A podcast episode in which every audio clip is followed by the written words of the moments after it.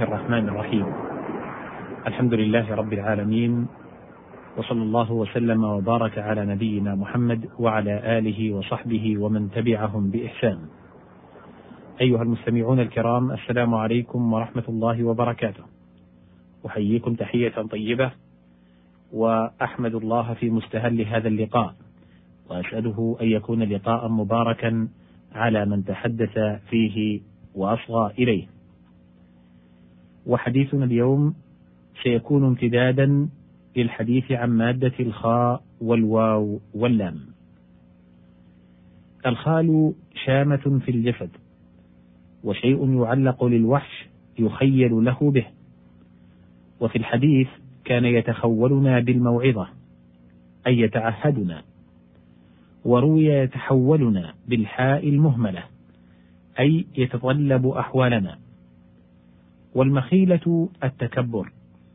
يقال خال الرجل واختال تكبر فهو خال ومختال أي متكبر.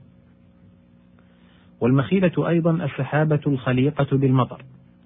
يقال أخالت السماء فهي مخيلة وأخيل زيد وأخيل تخيل مطرا في السماء. الخاء والواو والنون. قوله سبحانه وتعالى في سورة الأنفال لا تخونوا الله. الخيانة مخالفة الحق بنقض العهد في السر وضدها الأمانة.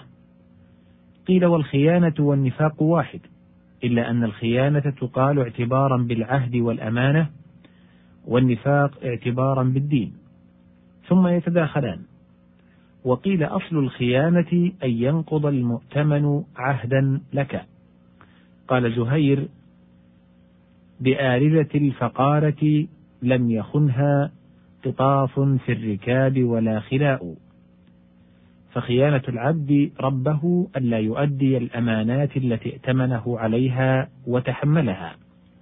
كقوله تعالى إنا عرضنا الأمانة ثم قال وحملها الإنسان وقوله تعالى تختانون أنفسكم الاختيان مراودة الخيانة. ولذلك قال تختانون ولم يقل تخونون. لأن القوم لم يخونوا أنفسهم بل كانوا يترددون في ذلك.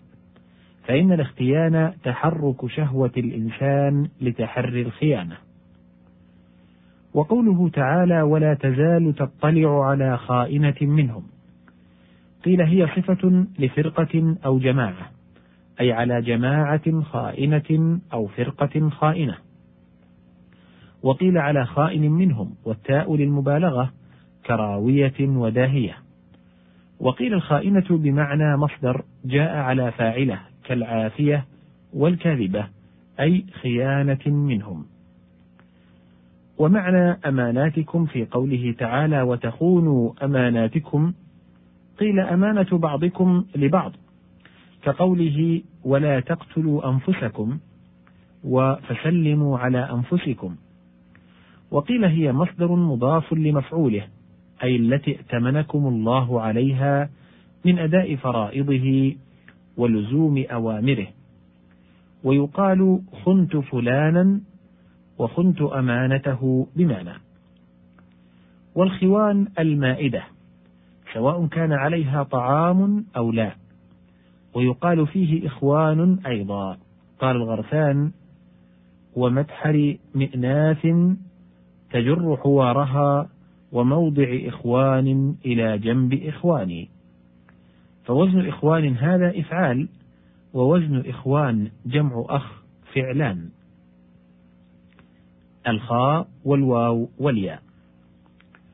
قوله تعالى في سورة البقرة خاوية على عروشها. أي ساقطة. وأصل الخواء الخلاء. يقال خوت الدار تخوي خوا وخواية وخوية إذا خلت وبقيت بلا أنيس وخوى النجم وأخوى إذا لم يكن عند سقوطه مطر. وخوى الرجل نحو خوي فهو خو أي خلا جوفه من الزاد وقوله تعالى أعجاز نخل خاوية أي انقطعت من أصلها حتى خلا مكانها كقوله في موضع آخر منقعر.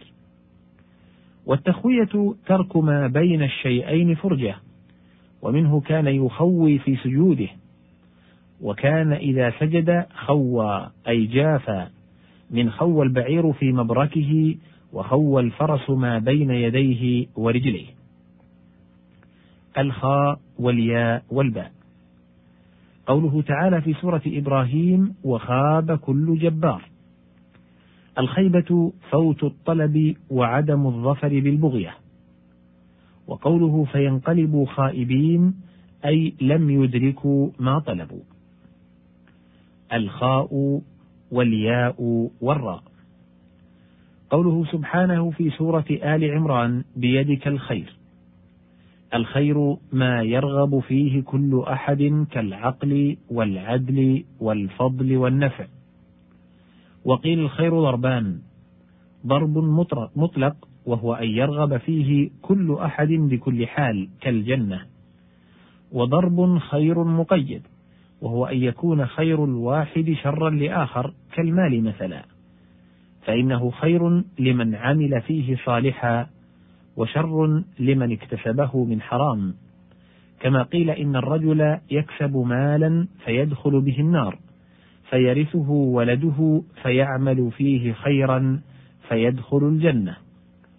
وإليه الإشارة بقوله ذلك يوم التغابن. وبهذا الاعتبار سماه الله خيرا. قال تعالى وإنه لحب الخير أي المال. وقيل في قوله إن ترك خيرا أي مالا كثيرا.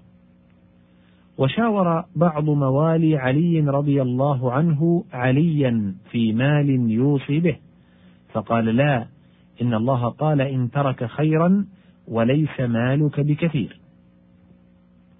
وقوله تعالى حب الخير عن ذكر ربي أي حب الخيل وكان عرض عليه خيل فلم يصلي العصر حتى غابت الشمس فأمر بضرب عراقيبها وأعناقها بالسيوف غضبا لله تعالى.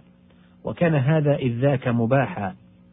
والعرب تسمي الخيل الخير وكان زيد الخيل فسماه رسول الله صلى الله عليه وسلم زيد الخير. وقال الخيل معقود في نواصيها الخير إلى يوم القيامة. وقوله تعالى أن يكون لهم الخيرة من أمرهم أي الاختيار.